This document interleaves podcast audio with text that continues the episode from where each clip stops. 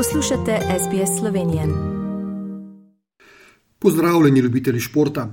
Zaključni del letošnje smočarske sezone je v teku. Letos bomo prvič zadnje dejanje dočakali šele 2. aprila, ko bo na sporednu zadnja tekma za svetovni pokal v smočarskih poletih v Planici.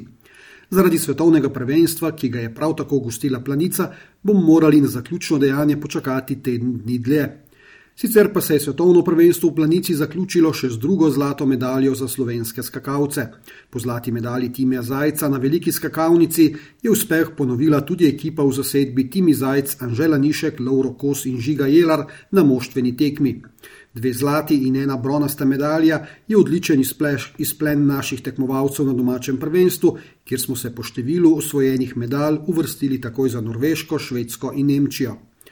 Pred vrnitvijo v planico, kjer bomo spremljali poletje na velikanki, pa so trenutno skakalci in skakalke na norveški turneji. Anžela Nišek je navdušil na prvi postaji turneje na Holmenkolnu v Oslu, kjer je zabeležil zmago in drugo mesto, na to pa še drugo mesto na tekmi v Lillehammerju. Enak podvig je zmago na Holmenkolnu na ženski tekmi uspel tudi Emi Klinec.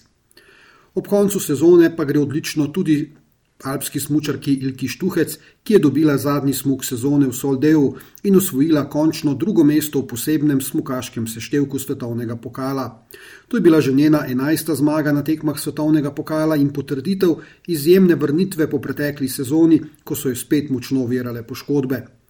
Tudi Kranjska gora je dočakala svoj tekmi za svetovni pokal, letos sta obe potekali v Veleslalomu. Na obeh je bil prav pri vrhu tudi Žan Kranjec, ki je bil na prvi tekmi peti, na drugi pa četrti. Kranec je tako že skoraj zagotovil tretje mesto v posebnem veleslalomskem seštevku sezone v svetovnem pokalu. Sedaj pa snega na suhe ceste. Minuli teden smo Slovenci znova zasenčili vse ostale v kolesarstvu. Sočasno sta namreč potekali dve veliki enotedenski kolesarski dirki, ki predstavljata prvi večji vrhunec sezone. Že lansko leto smo v tem času spremljali dvojno slovensko zmagoslavje. Pogačar je lani usvojil dirko od Tirenskega do Jadranskega morja v Italiji, Roglič pa dirko od Pariza do Nica v Franciji. Letos sta oba najboljša slovenska kolesarja zamenjala dirki, na katerih sta nastopila, a razlike ni bilo. Roglič je dobil dirko od Tirenskega do Jadranskega morja, Pogačar pa dirko od Pariza do Nice.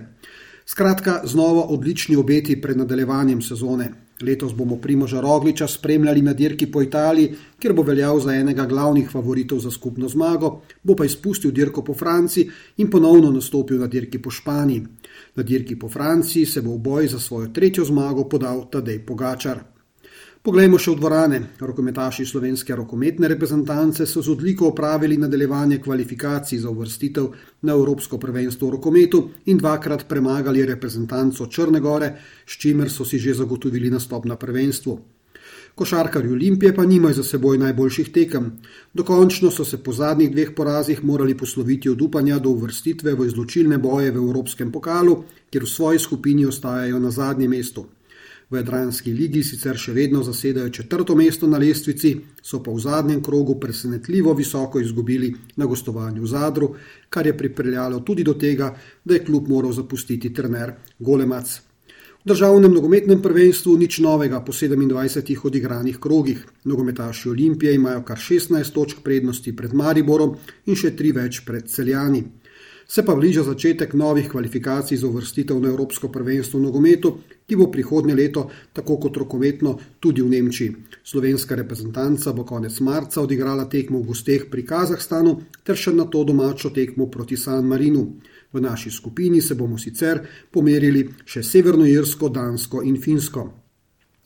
To je bil pregled športnega dogajanja v minulih 14 dneh. Za vas sem ga tudi tokrat pripravil Tomaš Ambrožič, ki vas prav lepo pozdravljam. Želite slišati sorodne zgodbe? Prisluhnite jim preko Apple ali Google podcasta, preko aplikacije Spotify ali kjerkoli drugje.